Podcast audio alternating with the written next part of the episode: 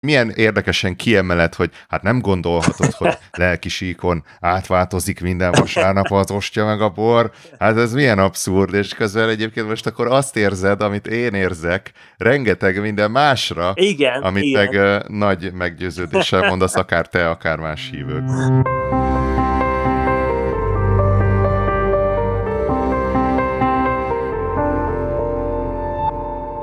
Sziasztok! Ez itt ismét a Létkérdések Podcast, egy hitvita podcast Magyarországon az egyetlen. Engem Szilvai Péternek hívnak, én képviselem az ateista oldalt, és itt van velem barátom Szabó Viktor. Hello!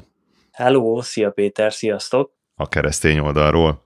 Hallgathatók vagyunk Spotify-on, Apple Podcast-en, YouTube-on, Deezeren, podpad.hu-n és podcast.hu-n. Kommentelhetek a videók alatt, hogyha YouTube-on nézitek, vagy írhattok nekünk e-mailt is, témajavaslatot, hozzászólást, ötleteket, ellenérveket, érveket, bizonyítékokat, támadásokat létkerések gmail.com Hogyha pedig szeretitek a podcastet, akkor nagyon hálásak vagyunk, hogyha egy-egy megosztással segítitek, hogy minél több emberhez eljusson.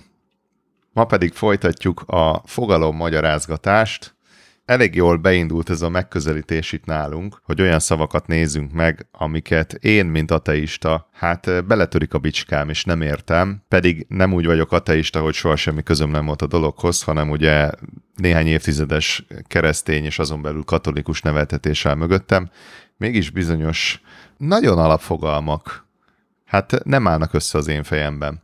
Már jó sokat kitárgyaltunk, mai napra is van nekünk néhány, ami közül az első a hit. Uh-huh. Itt összeszedtem pár gondolatot. A hit az, na az aztán központi szó. Ha Isten szóba kerül, rögtön ez hangzik el, hogy hiszel Istenbe vagy nem. Az egész vallásosságnak az alap igéje, ilyen nyelvtani értelemben, az a hit és a hívés, és én évekig megfigyeltem az embereket, és próbáltam összegyűjteni, hogy úristen, igazából mit értünk ez alatt a szó alatt, mert egyébként szerintem több mindent értünk alatta, uh-huh. és szerintem picit ezzel vissza is él a vallás, amikor a hitről beszél, hogy zavaros maga a szó, mindig elő lehet húzni egy olyan jelentését, ami az adott helyzetben segít valakit ott tartani, uh-huh van, aki amikor azt mondja, hogy hisz, talán önmaga elől is elrejtve valójában reménykedésre gondol, tehát hogy reméli, hogy van Isten. Nem mindenki, uh-huh. ez csak egy lehetséges megfejtés éreztem olyat is emberekből, hogy amikor azt mondja, hogy hisz, akkor inkább azt gondolja, hogy hinnem kéne, kellene, mert elvárás, mert kötelező, mert nyomás van rajtam, mert a pokollal vagyok fenyegetve, Uh-huh. Hol van a tudás, hol van a hit, hol van a sejtés? Tehát van ez a konfidencia, hívjuk magabiztosságnak, és akkor nem kell ilyen túl matematikai kifejezéseket használni, hogy mekkora a magabiztosságom egy állításban. Ha valamiben nagyon erős a magabiztosságom, akkor azt általában úgy mondom, hogy én azt tudom. Például tudom, hogy egy monitor van előttem, tudom, hogy a gravitáció lehúz a földre, meg ilyesmi. A hitszónak talán a legáltalánosabb jelentés az az, amikor egy alacsony konfidenciás állítás alapján cselekszem, vagy van egyfajta benyomásom, pontosabb tudás nélkül, mit tudom én, hiszel a fiú-lány barátságban?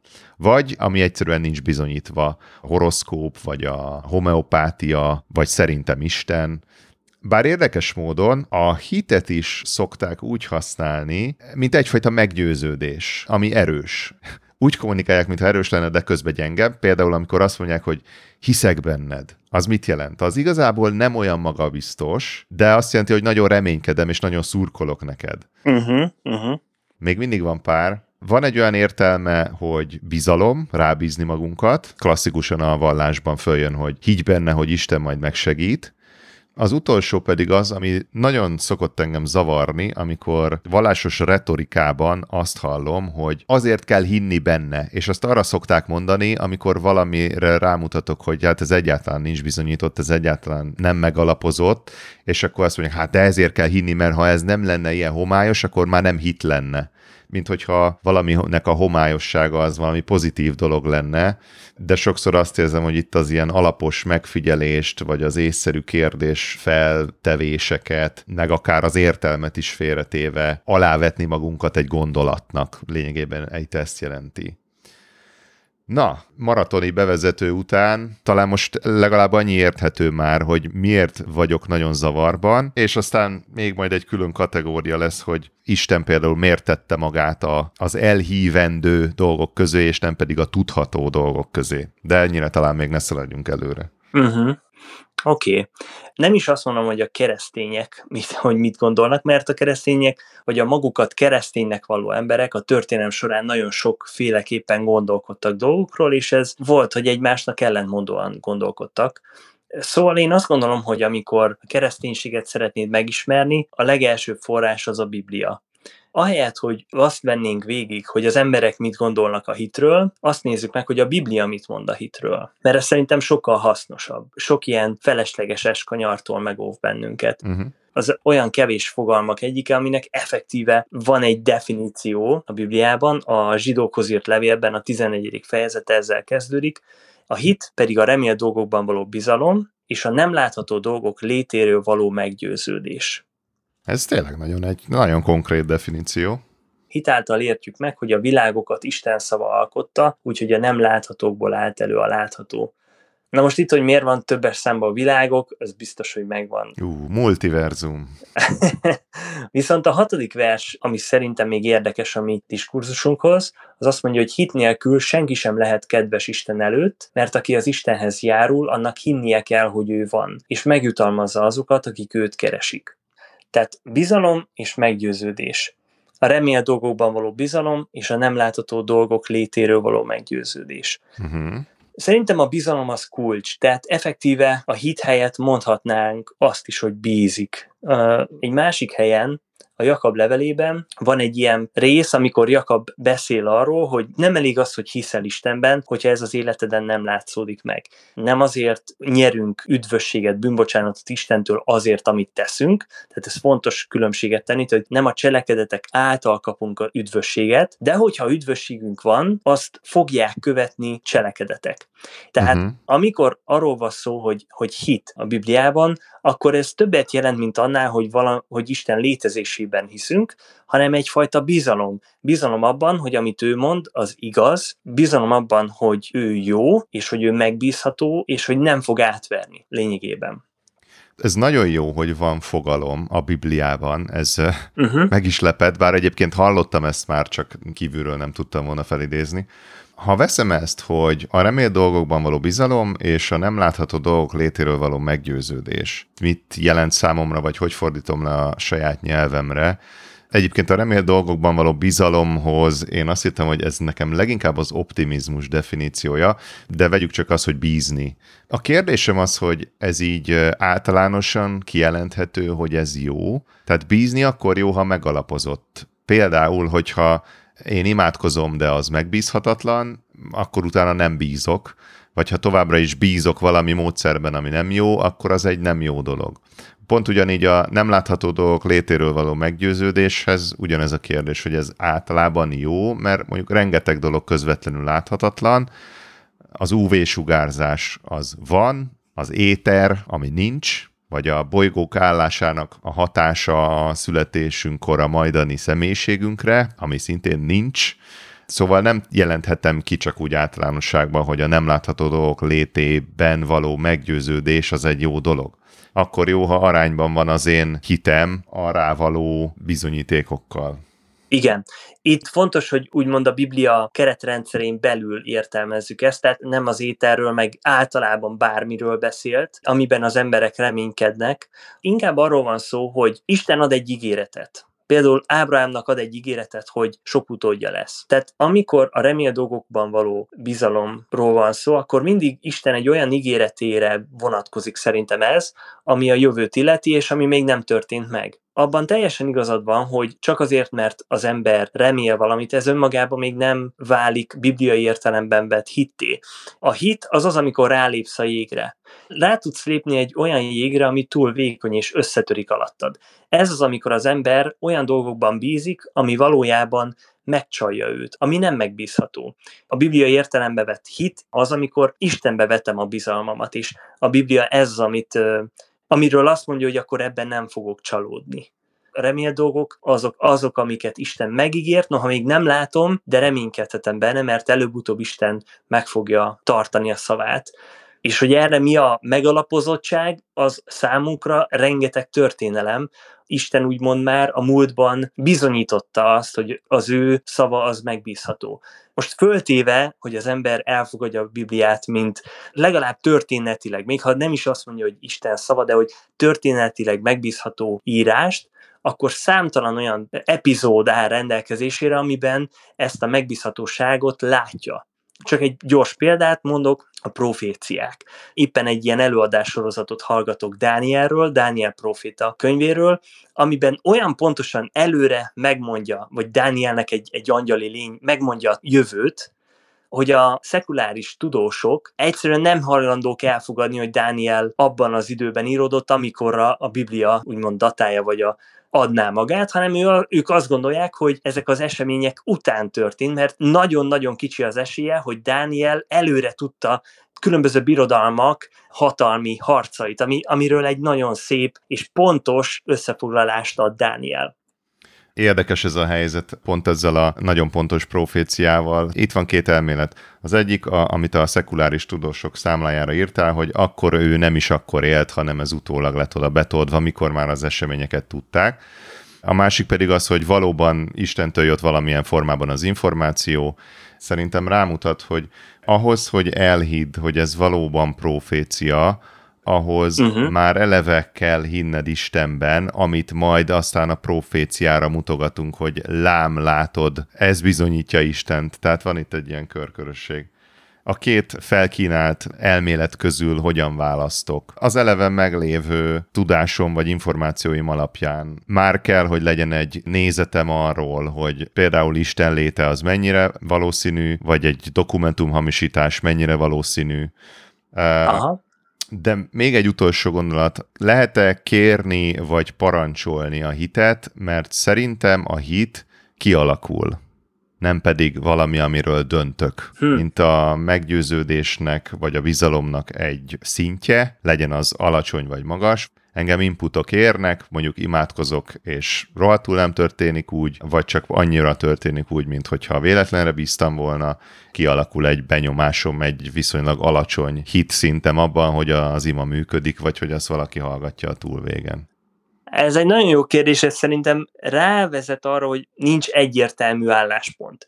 Ami a kérdés mögött áll, az az, hogy a, a hit az teljes mértékben Isten ajándéka az embernek, mert a Bibliában erre is van utalás, hogy a hit az egy ajándék, sokszor így hivatkozik rá a Biblia, vagy pedig mindenkiben ott van, és ő dönti el, hogy ezt az ajándékot kinyitja el, vagy nem ez szintén messzire vezet ez az úgynevezett ilyen predestináció, meg szabad akarat, stb. Igen, és már volt róla részünk, meg talán még lesz is.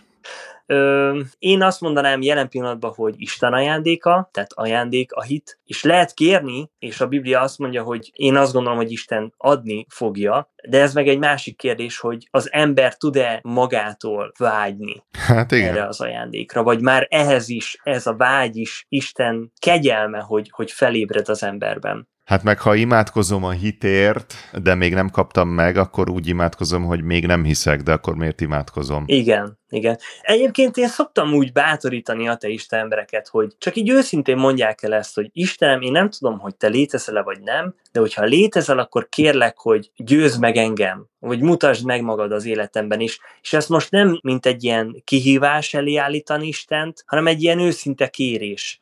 Én azt gondolom, hogy Isten az ilyen imákat is meghallgatja.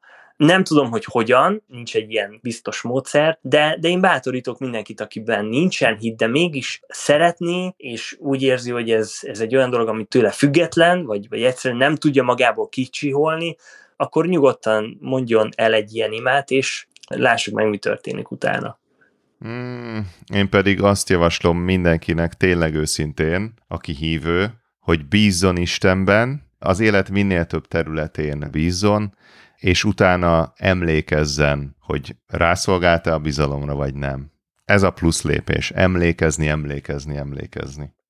Uh-huh. Na igen, igen, itt szerintem még ez egy másik dolog, hogy az a dolog, amiben bízok. Tehát, hogyha én abban bízok, hogy Isten nekem egy piros porsét ad, és nem ad, akkor én jogosan vethetem ezt Isten számlájára, vagy írhatom ezt az ő számlájára, hogy tegyünk különbséget a között, amik a mi vágyaink, amiket Istenre projektálunk, versus az, amit valóban Isten ígért nekünk. És ezért fontos, hogy ismerjük a Bibliát, hogy ne kezdjünk el reménykedni olyan dologban, amit Isten nem ígért meg. Tipikusan ez a, a jóléti evangélium, ez ebbe a kategóriába tartozik, hogy ha én Istent követem, akkor nem leszek se beteg, se szegény és ez egyszerűen nem igaz. Isten ilyet nem ígért a Bibliában, de mégis, amikor a, valaki egy ilyen hiper-szuper csilivili autóból, meg, meg aranyláncokkal díszítve ezt prédikálja, akkor nagyon könnyen az ember beleesik ebbe, hogy ott az élő példa előttem, hogy látom, hogy ő tényleg elhitte, és akkor Isten megadta, és akkor ez a mindenféle ilyen adjád oda a tizedet, és akkor Isten megsokszorozza, és akkor utána jön a csalódás, érted? Ez a nagy baj, hogy az ember csalódik valamiben, amit hamisan gondolt Istenről, és utána a gyereket is kidobja a fürdővízzel együtt. Annyira csalódik, hogy utána már föl sem merül benne az a lehetőség, hogy én Istenről olyan dolgot hittem el, ami nem igaz. És ezt kell megváltoztatni, nem az egész Isten koncepciót kell kidobni. Uh-huh. Hú, most ebben, ennél a konkrét szónál nagyon sajnálom, hogy időkeretet szabtunk magunknak, de mert még nagyon sok gondolat marad bennem. Igen, igen, lehet majd második felvonás. Jó, figyelj, köszönöm. Ez tisztult, tehát, és itt van is minek tisztulnia, szóval ez itt haladás volt. Oké. Okay. Menjünk akkor a következőre ami nem más, mint az, hogy áldozat. Uh-huh. Egy Bibliát keresztül kasul átitató motívum, Ószövetségtől kezdve, ilyen juhot, olyan bárányt, vérét kend oda, fiadat vitt fel a hegyre, és őt szúrt le nekem, aztán mégse. Jézus maga, mint a világ legnagyobb áldozata. Szóval tényleg keresztül kasul átszeli. Igazából a, a nonszenszek itt kezdődnek már, koncepciózusan mi a fenért kérne egy mindenható Isten ilyesmit, leölni egy állatot például, és ennek variációi, mindenféle olyan dolgok, amiket eszeágába sem lenne egy mindenható univerzumteremtő végtelen nagy istenségnek kérnie, miért kell csóró állatoknak meghalni, miért vagyunk erre ráfüggve. Uh-huh. Aztán maga az áldozat talán pont a primitívsége miatt absztrahálódott, és egy ilyen nagyon átvitt értelmű dolog lett, például amikor bőjtölünk, ami egy nagyon konkrét, például hús megvonásból indult ki, Ma már ugye sokszor elrelativizálják, hogy nem biztos, hogy pont a húst ne egyed a bőjtben, hanem lehet, hogy csak valami, ami neked kedves, arról mondjál le, uh-huh. és talán a végén egy picit elérkezik oda a fogalom, ahol még lesz is értelme, amikor már az ősgyökerétől teljesen, teljesen el van absztrahálva, és amikor arról van uh-huh. szó, hogy gyakorolj egy kis önfegyelmet, ami tényleg jó lesz neked, tehát az egy olyan skill, ami fú, nagyon messzire lehet vele jutni, gyakorold azt, hogy önmagadat és a jövőmenő vágyaidat ne az első helyre tedd, kicsit ilyen, ilyen visszafogás, tehát vannak ennek őszinte részei, amik viszont már annyira absztraktak, hogy egyébként simán személyiségfejlesztési pszichológiai dolgok, és nagyon támogatom őket, viszont semmi közük Istenhez. Ja, még egy gondolat, a katolikus misében van ez az egész átváltoztatás, meg Igen. áldozás, és akkor van ott egy ima, fogadja el az Úr kezedből az áldozatot, uh-huh. nevének dicséretére és dicsőségére, stb. stb. Erősen fogalmazva a, a kereszténység az egy ilyen áldozatkultusz, Jézuson keresztül, és aztán minden héten a misében, és kifejezetten a mai napig ott van ez az ima, hogy imádkozunk azért, hogy fogadja el az Úr kezedből az áldozatot. Tehát még a mai napig a legősibb ószövetségi és törzsi őskori értelmű áldozat bemutatás egyébként megtörténik minden egyes vasárnapon. Uh-huh. Hú, sok dologról volt szó, igyekszem erre reagálni, nem tudom, hogy milyen sorrend, de hogyha valami kimarad, akkor szól nyugodtan. Volt egy ilyen, hogy miért kell csóró állatoknak meghalni, igazából nekünk kéne meghalni. Most az Ószövetségi világban nekünk kéne meghalnunk, de Isten mégis megengedi, hogy magunk helyett a saját halálunkat kiváltsuk egy állat halálával. És miért is kéne meghalnunk? Tehát az egész ott kezdődik, hogy Isten, amikor létrehozta ezt a világot, adott az embernek utasításokat, parancsolatokat. Mi az, amit tehet, mi az, amit nem tehet. Például az éden kertben ugye ott volt, hogy minden fáról lehetsz, de erről az egy fáról nem ehetsz, mert hogy eszel, akkor meg kell halnod. És nyilván most ebben nem menjünk bele, hogy ez most allegorikus, vagy ez tényleg ott volt egy fa effektíve, ami nem van, volt egy gyümölcs, de az a lényeg, hogy amikor az ember Isten ellen lázadt, az első emberpár, és benne mindannyian, lényegében mi halált vontuk magunkra. Ami egyrészt jelenti az Isten, a fizikai halált, tehát én azt gondolom, hogy, hogy Isten nem úgy teremtette ezt a világot, hogy van benne halál, szenvedés, gyász, stb., és ezek mind a bűneset következményei, de bejött a halál a lelki síkon is. És a lelki síkon, amikor a Biblia halálról beszél, akkor az Istentől való elszakítottság állapotát érti, mivel Isten az élet forrása, ő az, aki minden élőlénynek ő adott leheletet, életet, ezért amikor őtől el vagyunk választva a bűneink miatt, akkor az olyan, mint amikor a, a laptopot kihúzzuk a töltőből, hogy még bírja, de előbb-utóbb meg fog halni. És amikor az ember szeretne közeledni Istenhez, akkor mivel ő szent, ezért ezt nem teheti meg akárhogy. Ezzel Isten a szentségét fejezte ki az emberek felé, hogy hogyha az ember úgy dönt, hogy közeledni szeretne hozzá, akkor nem teheti meg úgy, hogy nem veszi figyelembe azt, hogy Isten erről mit mondott, milyen szabályokhoz kötötte azt, hogy hogyan lehet közeledni felé. Az Ószövetségben ezek a szabályok tartalmaztak ilyen dolgokat, hogy ha védkeztél, akkor bizonyos időnként egy állatot le kellett vágni. Nem az, hogy Isten az állatnak okozott szenvedést, és hogy az ő rá helyezted effektíve a védkeidet, hanem ő viselte el azt a sorsot, amit terád várt volna, hogyha Isten nem bocsátja meg a bűneidet. Ú, itt visszatértünk ehhez a ős kérdésemhez, hogy hogy lehet igazságos az, hogyha valaki más szenved, mint a bűnös. Sőt, egyébként a, ugye a Jézusnál az volt a kifogás, hogy de Jézus önként vállalta, de a állatka nem vállalta önként. Igen, viszont az állatok nem is gondolom, hogy úgy szenvedek, mint az emberek. Tehát nem gondolom, hogy, hogy az állatok szenvedését egy lapon lehet említeni egy ember szenvedésével.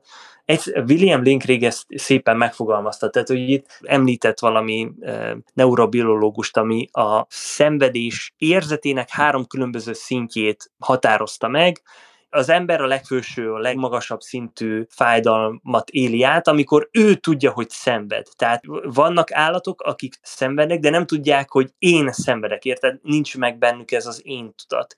És ezért ez nem olyan, mint amikor egy embernek okozol szenvedést.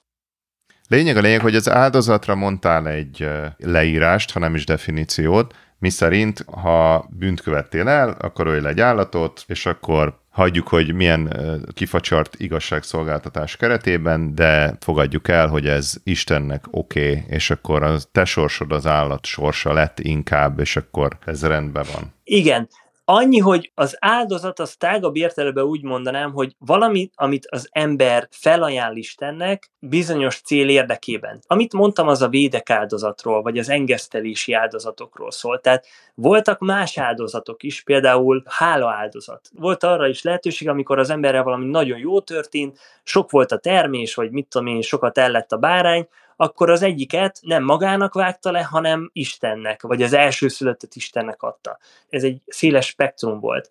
Amiért a vétek áldozatra helyeztem ki hangsúlyt, az az, mert az volt tulajdonképpen az előképe annak az áldozatnak, amit Jézus az új szövetségben hozott, ezért is nevezik keresztelő János Jézust Isten bárányának, mert ő úgy viselkedett, mint egy áldozat az Ószövetségben, attól eltekintve, hogy ő ugye nem egy bárány volt, hanem egy ember, sőt, Isten és ember egyszerre, és ezzel az áldozatával egyszer mindenkorra jóvátételt szerzett minden bűnért. Ennek fényében ezek az állatáldozatok inkább mint egy előképnek tekinthetők. Tehát, hogy valójában, amikor én az Ószövetségben leöltem ezt a bárányt, akkor már Isten nem azért bocsátotta meg nekem azt a bűnt, amit elkövettem, hogy mondjuk megöltem egy embert, vagy nem tudom, elloptam a, az ökrét, nem azért bocsátotta meg, mert amit az a bárány tett, az az állat, hanem már ő előre tekintett arra, amit majd az ő fia fog tenni,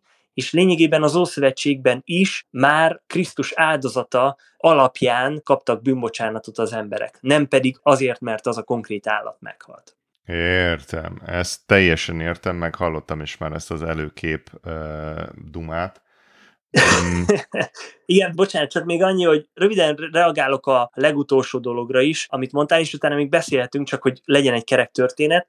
Mi protestánsok azt gondoljuk, hogy ez az áldozat egyszeri volt. A katolikus teológiában azt vallják, hogy a misében a kenyér és a bor átváltozik Krisztus testévé és vérévé, tehát lényegében az, amit Krisztus 2000 évvel ezelőtt megtett, ez az áldozat, minden vasárnap megtörténik a misén. Igen. És ez szerintem egy annyira abszurd dolog, és szinte az arcul csapása annak, amit Jézus tett, hogy én egy ostját ketté török, meg belemártam egy borba, és akkor azt, azt gondolom, hogy a lelki síkon valami olyan dolog történik, mint amikor Jézust ártatlanul bíróság elé állították, koncepciós per keretében belül kivégezték, és én hát ez szerintem nyitott kapukat döngetsz, szerintem is abszolút nem találom ennek a bibliai megalapozottságát.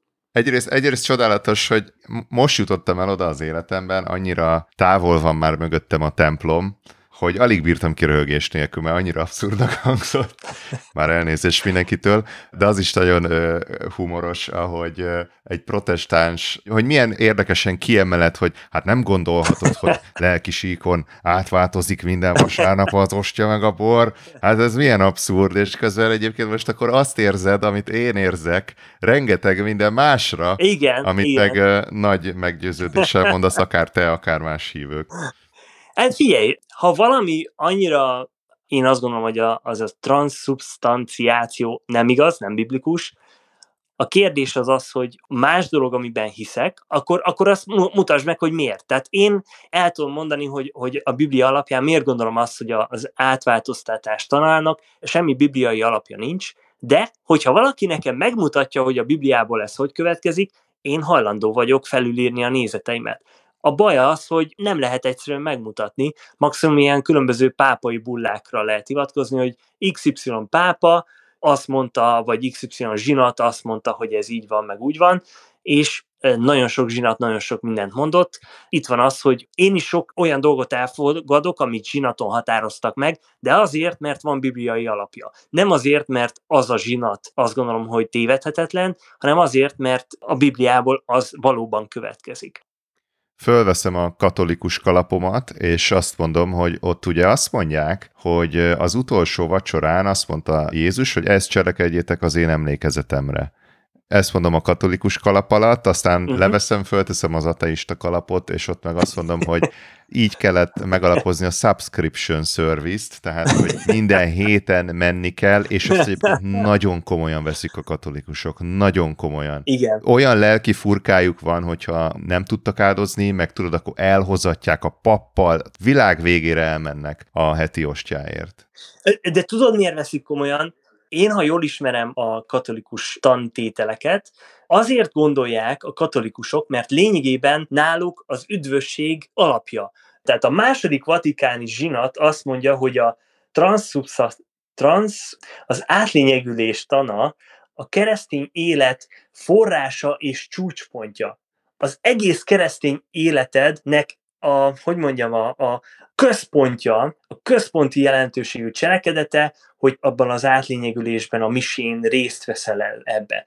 Tehát én megértem a katolikusokat, mert egyszerűen az ő hittanukból, az ő nézetükből, vallási nézeteikből ez, ez következik. És közben tényleg annyira pitiáner és önellentmondásos számomra, hogy azt el tudom fogadni, hogy mondjuk Jézus azt mondja, hogy csináljatok egy ilyen emlékeztető rituálét, mert az jót fog nektek tenni, mert akkor majd tényleg emlékeztek a fontos dolgokra, de hogy pont az a lényeg az egész vallásban, hogy a fizikai világunkat eléggé lefele értékel, és azt mondja, hogy nem ez a fontos, hanem a, a lélek, meg a te is imádkozhatsz, meg kapcsolatba léphetsz Istennel, meg stb. Uh-huh. És milyen furcsa, hogy ennek ellenére fizikailag menjél el egy osztópontra, és vedd magadhoz a fizikai kis orsát, amit fizikailag egyél meg, mert különben. Ez nekem nagyon-nagyon furcsa. Nagyon eltértünk a témától.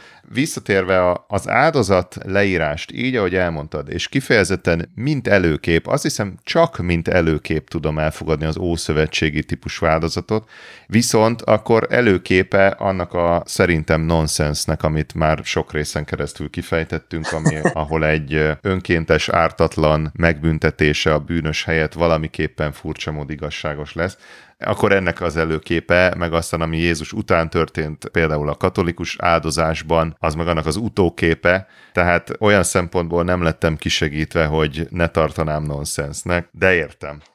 Hát figyelj, hogyha Jézus áldozatát nonsensnek tartod, akkor nyilván az urvacsorát, ami erre visszatekint, meg az ószövetségi áldozatokat, amik erre előre tekintenek, azt is nonsensnek fogod tartani. Tehát lehet, hogy inkább akkor ezzel kéne kezdeni, hogyha annak meglátod, hogy mi volt a kulcsa, mert egyébként szerintem az az egész világtörténelemben az, az az egyik, tehát az a csúcspontja, ami ott történt a kereszten. Ezért van az, hogy a keresztények egy ilyen római feszítő eszközt, vagy kivégző eszközt hordanak a nyakukban, hm. mert ugye ez annyira kulcsfontosságá vált. Én arról tudom nyugodt szívvel vallani, hogy ez tényleg a keresztény élet, meg az egész életnek a kulcsfontosságú történése volt, ami a kereszten történt. Azt nem tudom elfogadni, hogy az, amit én vasárnap, én is amúgy szoktam úrvacsorázni, ha van rá lehetőség, hogy az lenne a kulcselem, az számomra nem elfogadható. Minden esetre erről beszéltünk a 11. és a 13. részben, és tágabb értelemben még a 9. és a 10. részben is. Az mind-mind az igazságról, a megváltásról, és uh-huh. Jézusról, és ennek az értelmességéről szólt, úgyhogy azt ajánlom mindenki figyelmébe, meg valószínűleg lesz ez még így, hogy erről beszélünk. Úgy legyen, legyen a te hited szerint. Ámen. Na, ö, belefér még a harmadik? Szerintem amúgy bele. Bele, bele, nyomassuk, persze. Jó. Ez a szó egy nagyon mély gödör, a nyúl ürege, úgyhogy legyünk óvatosak, és már volt is róla szó egy picit. Ez a természet feletti, a múltkor, amikor az áldásról beszéltünk, akkor mondhatod, hogy közelítsük meg az ellentéte felől, hogy az átok mit jelent, és akkor az áldás az annak az ellentéte. Ha a természet felettiről beszélünk, szerintem nagyon jó ötlet lenne afelől megközelíteni, hogy tudjuk-e definiálni a természetest és akkor minden, ami azon túl van, az a természet feletti. Ez egy kísérlet a részemről, mert a természet feletti definíciójában már sok beszélgetésbe beletört a bicskám, sok emberrel, és hát, ha ez majd átlendít, az érdekel, hogy milyen alapon lesz egy jelenség a természetes vagy a természet felettinek a része. Hogyha tegyük fel, Isten láthatóvá tenné magát, akkor az már természetes lenne-e, vagy bármilyen másik, ami természet feletti jelenségről kiderülne, hogy mondjuk angyalok tényleg léteznek, és egyébként nagyon részletesen megtudnánk, hogy hogyan viselkednek, akkor azt még mindig természet felettinek hívnánk, vagy már természetesnek. Sok mindent elrejtünk ebbe a mondva csinált természet feletti halmazba, de Isten igazából nagyon gyenge lábakon áll az, hogy ha van egy jelenségem, mi alapján hívom ennek vagy annak. Uh-huh próbáltam így a jegyzetemben keresni, hogy William Lane Craig ad-e definíciót arra, hogy mi az, hogy supernatural, tehát az angol megfelelő. A csodánál, amikor a csodákról beszél, akkor szerintem van egy érdekes definíció, ami támpontot adhat. Tehát ő úgy definiálja a csodát, mint egy olyan eseményt, ami abban az adott időben és pillanatban a természet okozati törvényeink kívül, oksági törvényeink kívül áll. Tehát javasolnám, hogy ha azt mondanánk, hogy az a természetes, ami a természet törvényeivel megmagyarázható. Visszavezethető termé a, a, hát igen, természetes okokra, de talán ez ugye körkörös érvelés, vagy körkörös definíció. Egy picit talán segíthetek, most eszembe jutott egy-két dolog. Számít-e az, hogy törvényszerű a dolog? A természetest általában törvényszerűnek szoktuk leírni, ez az egyik. Aha. A másik az, hogy a természet feletti az egy jelenség, Például, hogyha itt a monitorom elkezdene lebegni, és most tényleg tételezzük fel, hogy ez a természet törvényei frankón felfüggesztődtek, tehát nem csak valami ismeretlen törvény, a természet felettiség az egy jelenség, egy viselkedésforma, vagy egy halmaza a valóságnak, ami mindig van, egy zóna, amiben például Isten létezik, vagy az angyalok léteznek, uh-huh. és akkor esetleg átnyúlnak egy picit az ő zónájukból a mi természetes zónánkba, és olyankor a törvényszerűségeink felbomlanak. És hogy ez a két dolog hogy függ össze, ha a törvényszerűséget a természetes zónába kötjük, akkor a természet feletti zónában minden random és össze-vissza, hiszen ott semmilyen törvényszerűség nincs. Jó, jó kérdés. Szerintem mind a kettő lehet. Itt lehet, hogy a természet feletti önmagában már egy több jelentésű szó. Lehet melléknévként is használni, tehát egy természet feletti esemény például, vagy lehet főnévként is használni, hogy a természet feletti, és akkor szerintem itt szétválaszthatjuk. Uh-huh. És persze ez ugye összekapcsolódhat, tehát hogy a természet feletti halmazában található valóságban található eseményeket nevezük természet feletti eseményeknek, tehát itt lehet, hogy egy ilyen részegész viszonyt meghatározhatunk a kettő között, Mondjuk így talán, hogy megfigyelhető. Lehet, hogy egyébként ez egy jó szinonima, tehát tudományos szempontból megfigyelhető. Picit szerintem ez veszélyes. Veszélyes? Azt hát mondod? Azért, mert így nagyon a képességeinkre kicsit átviszi a dolgot. Aha. Meg hogy milyen eszközzel figyelhető meg. A mi megfigyelésünk, ugye mi, mint ember biológiai faj, egy icipici, nagyon szűk zónába figyelünk meg, akár a fényhullámhoz, akár a hangerőket, akár a fizikai rezgéseket, mindent aztán azt kiterjesztjük mindenféle más eszközökkel, amik ezt lefordítják számunkra befogadható jelekké, de az is fokozatosan bővül, hogy akkor mit teszünk megfigyelhetővé. Jó, jó, jogos. Talán azt lehetne mondani, hogy a, az anyagi és idő által meghatározott, tehát a fizikai világ túli részt nevezhetjük például természet fölöttinek. A természetesnek nevezhetjük azt, ami a tér és az idő által meghatározott valóság. Uh-huh. Ez tiszta, most ezzel dolgozok tovább, és itt most egyébként teljesen live gondolkodok, Visszatérve itt a törvényszerűségre, szerintem viszonylag egyértelmű, hogyha a természet felettiben semmilyen törvényszerűség nincs, az egy, az valamilyen nonsens. Igen, Istennek, ezt én sem gondolom egyébként. Ugye Istennek is vannak, például úgy van-e valamilyen természete, bizonyos uh, típusú dolgokat megtesz, másokat nem, valamit nem is tud, mert ugye mondjuk uh-huh. bűnt nem tud elkövetni, most megint felvettem a vallásos kalapomat. Jól áll neked amúgy. Csak... Kösz. Ott is vannak jellegzetességek. A jellegzetesség nem más jelent, mint egyfajta mintázatot, a mintázat pedig egyfajta törvényszerűség, maximum lehet, Pontosan. hogy kicsit lazább vagy nagyobb a szabadságfoka. Tehát azt mondanám, hogy a természetfeletti zónában is vannak valamilyen törvényszerűségek. Igen. És itt kicsit viszont visszakanyarodunk oda, hogy oké, okay, mondjuk leválasztom, hogy anyag és idő, és akkor az, az azon kívüli részt természetfelettinek hívom, pedig az is csak valahogy működik, csak másképp, más jellegzetességek, más törvényszerűségek szerint. Miért nem mondom azt, hogy mondjuk a, az anyagnak két dimenzióját természet alattinak hívom, a harmadikat természetesnek, a negyediket meg természet mellettinek. Tehát, hogy darabolhatnám ezt a dolgot, Ö, valamilyen képpen egyébként mégis van ott egy nagy ugrás, hogy a természet feletti, hát nem, nem nagyon bizonyított a, a, az, hogy mi a tartalma ennek a zónának, meg mik a jellegzetességei, bár sokan úgy gondolják, hogy elég részletesen tudják és precízen. Azzal abszolút egyetértek veled, hogy a természet feletti, ez nem azt jelenti, hogy mindenféle törvényszerűségektől mentes. Ott is vannak törvényszerűségek, és erről egyébként a Biblia is ír. Az egyik ilyen dolog például a vetés és aratás törvénye, hogy amit vet az ember, azt fogja aratni is. Ez talán mondhatjuk egy ez a picit ez a karma, bár óvatosan vennék be más világvallásoktól ilyen fogalmakat. De azt hiszem értjük. Igen, lehetne belemenni, hogy mondjuk a démoni erők hogyan működnek. Ugye a Bibliából úgy tűnik, hogy ott is van egyfajta hierarchia.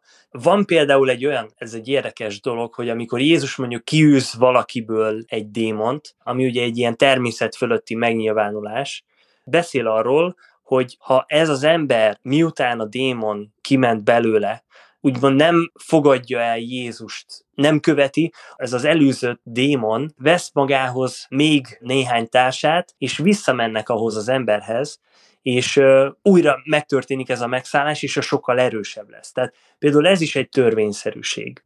Uh-huh. Persze, hogyha valaki nem hisz ebben, meg minden, akkor azonnal, hogy hülyeség, csak ugye arról van szó, hogy illusztrációnak, hogy csak azért, mert természet fölötti, az nem azt jelenti, hogy teljesen anarchia uralkodik abban a dimenzióban. Jó, akkor ebben egyetértünk. Uh-huh. Ezt egyszer már mondtam, ugye egy picit zavar a természet felettinek egy ilyen pajsként használása, amikor azt mondják, hogy hát de a tudomány ide nem férkőzhet be, semmihez nem szólhat hozzá, amikor a vallásról van szó, mert ez természet feletti, és hát definíció szerint a tudomány csak a természettel foglalkozhat. Mivel mi a természetben vagyunk, uh-huh. a természetesben, a természet felettit akkor érzékeljük, hogyha az a természetesben valami változást hoz létre. Tehát amikor ide Jézus lejön fizikailag, és akkor onnantól már van neki egy természetes része is legalább, nekünk mindent át kell konvertálni, úgymond természetessé, mert mi ebbe a buborékba vagyunk. Innentől most akkor vagy az van, hogy a természet feletti hatással bír a mi zónánkra, a természetesre, és akkor viszont megfigyelhető, és, és a tudomány nem más, mint alapos megfigyelés, vagy nem gyakorol hatást, de akkor viszont minden, amit mondunk, az spekuláció, beleértve még azt is, hogy a természet feletti ez a második zóna egyáltalán létezik, és akkor bemondhatnám, hogy létezik még természet feletti feletti is. Tehát annyi zónát spekulálok be, ami megfigyelhetetlen, az olyan lesz, mint a barátnőm, aki mindig egy másik iskolába jár. Szerintem a félreértés abból fakad, hogy összekeverjük a természet felettit magát a természet fölötti természetes világban történő megnyilvánulásával. Mert az egyik definíció szerint nem figyelhető meg. Tehát a tudomány saját bevallása szerint az a természetes világra, tehát az anyagi világra korlátozódik. Ez, ne, ez egyébként nem, tehát elég 200 évet visszamenni, és már hatványozottan sokkal több teljesen hétköznapi természet feletti hit létezett így a hétköznapokban. A tudomány nem állt meg ott mondván, hogy hát én nem foglalkozom a boszorkánysággal például, mert az már természet feletti. Tehát sokkal több minden volt természet felettinek posztulálva. A tudomány azt mondta, hogy minden, amit meg tudok figyelni, azt alaposan, szisztematikusan, fegyelmezetten és minőség ellenőrizve fogom megfigyelni. Tehát, hogyha a természet felettibe ha létezne és nyílna bele egy ajtó, és mi oda bele tudnánk nézni, az onnantól az azt jelenti, hogy az a tudomány tárgya. Szóval szerintem önkényes egy ilyen ketrecbe zárni a tudományt, hogy hát te mondtad, hogy arra te nem fogsz nézni, amint tudunk, oda nézünk. Igen, de itt szerintem, hogyha abból indulunk ki, hogy a tudomány az, ami megfigyelhető, vannak bizonyos dolgok, amik létezhetnek akkor is, hogyha nem figyelhető meg. És nem azért, mert nem tudjuk megfigyelni, nincsenek elég jó eszközeink, hanem egyszerűen azért, mert nem megfigyelhető. Ilyen például Isten. Szerintem a Biblia inkább ahhoz hasonló, hogy oda jön hozzád egy ember, és mond neked kilenc állítást, amit meg tudsz figyelni, mondjuk ezek a proféciák, és utána mond egy tizediket is, amit nem tudsz megfigyelni. A kérdés az az, hogy neked az a kilenc, amit meg tudsz figyelni, és meggyőzöttél arról, hogy ez az ember igazat mond, elége ahhoz, hogy elfogad annak a tizedik állításnak a létét is, amit szintén mond az ember, de nem tudod megfigyelni. Igen, ez pont ugyanolyan, mint bármi láthatatlan egyébként a tudományban is. Tehát, hogy van egy jelenségünk, látjuk az eredményeit, mit tudom, uh-huh. egy fém oda vonzódik egy mágneshez, vagy bármi, sok mindent megfigyelünk, amik valamire utalnak, amiket direktbe nem látunk, mert, mert ugye már egy atomot se látunk direktbe, vagy elektronokat, meg ilyesmi. Aha. Szóval igen, ez, ezt így követem. És én amúgy abszolút ilyen értelemben tudománypárti vagyok, én magam is voltam, tudományos kutatómunkában részt vettem, az abszolút valid és teljesen kompetens, amikor valaki ezt mondja, hogy de hát az nem megfigyelhető, akkor nem az van, hogy te ide nem jöhetsz be, hanem ide nem tudsz bejönni. Tehát, hogy a tudománynak van egy korláta ami szerintem mindenki számára egyértelmű, hogy amit nem tudok megfigyelni, azt nem tudom megfigyelni, arról nem tudok tudományos állítást mondani, ezért nem lehet sem cáfolni, sem igazolni. De ez nem azt jelenti, hogy amikor ez a dolog valamilyen módon interakcióba kerül az anyagi világunkkal, azt a megnyilvánulást, a manifestációját ennek a természet feletti dolognak már ne lehetne gorcső alá venni, tudományú gorcsője alá venni. Uh-huh. Tehát amikor például az van, hogy Isten létezését nem lehet tudományos eszközökkel cáfolni vagy igazolni, az egy dolog. De az, hogy amikor ez az Isten fizikai testet ölt Jézus Krisztusban, és nyomot hagy a történelemben, nem keresztény történetírók is megemlítik az ő forrásaikban, Biblián kívüli történetírók is említik őt, az nem azt jelenti, hogy akkor azt már ne lehetne a tudomány eszközeivel megvizsgálni, hogy akkor ő ki volt, mint ember. Nem, nyilván az, hogy ő Isten, maximum addig lehet elmondani, hogy ő azt állította magáról, hogy ő Isten. Nem lehet így direktben megfigyelni, hogy ő tényleg Isten, mert tudományos eszközökkel megfigyeltük. De addig el lehet jutni például, hogy ő azt állította magáról, hogy Isten. Uh-huh.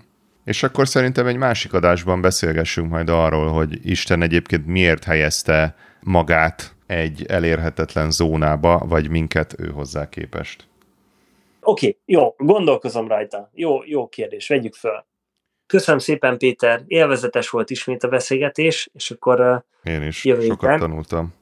Kövessetek, srácok, csajok, nyomjátok meg a csengőt, és küldjetek szavakat, hogyha van olyan szó, ami érdekel titeket, és ültetek a templomban, vagy a hittanórán, vagy az ateista haverjaitokkal, és nem értettétek, akkor mi megmagyarázzuk. Köszönjük, hogy vagytok, Szilvai Péter és Szabó Viktor vagyunk, és legközelebb folytatjuk. Sziasztok!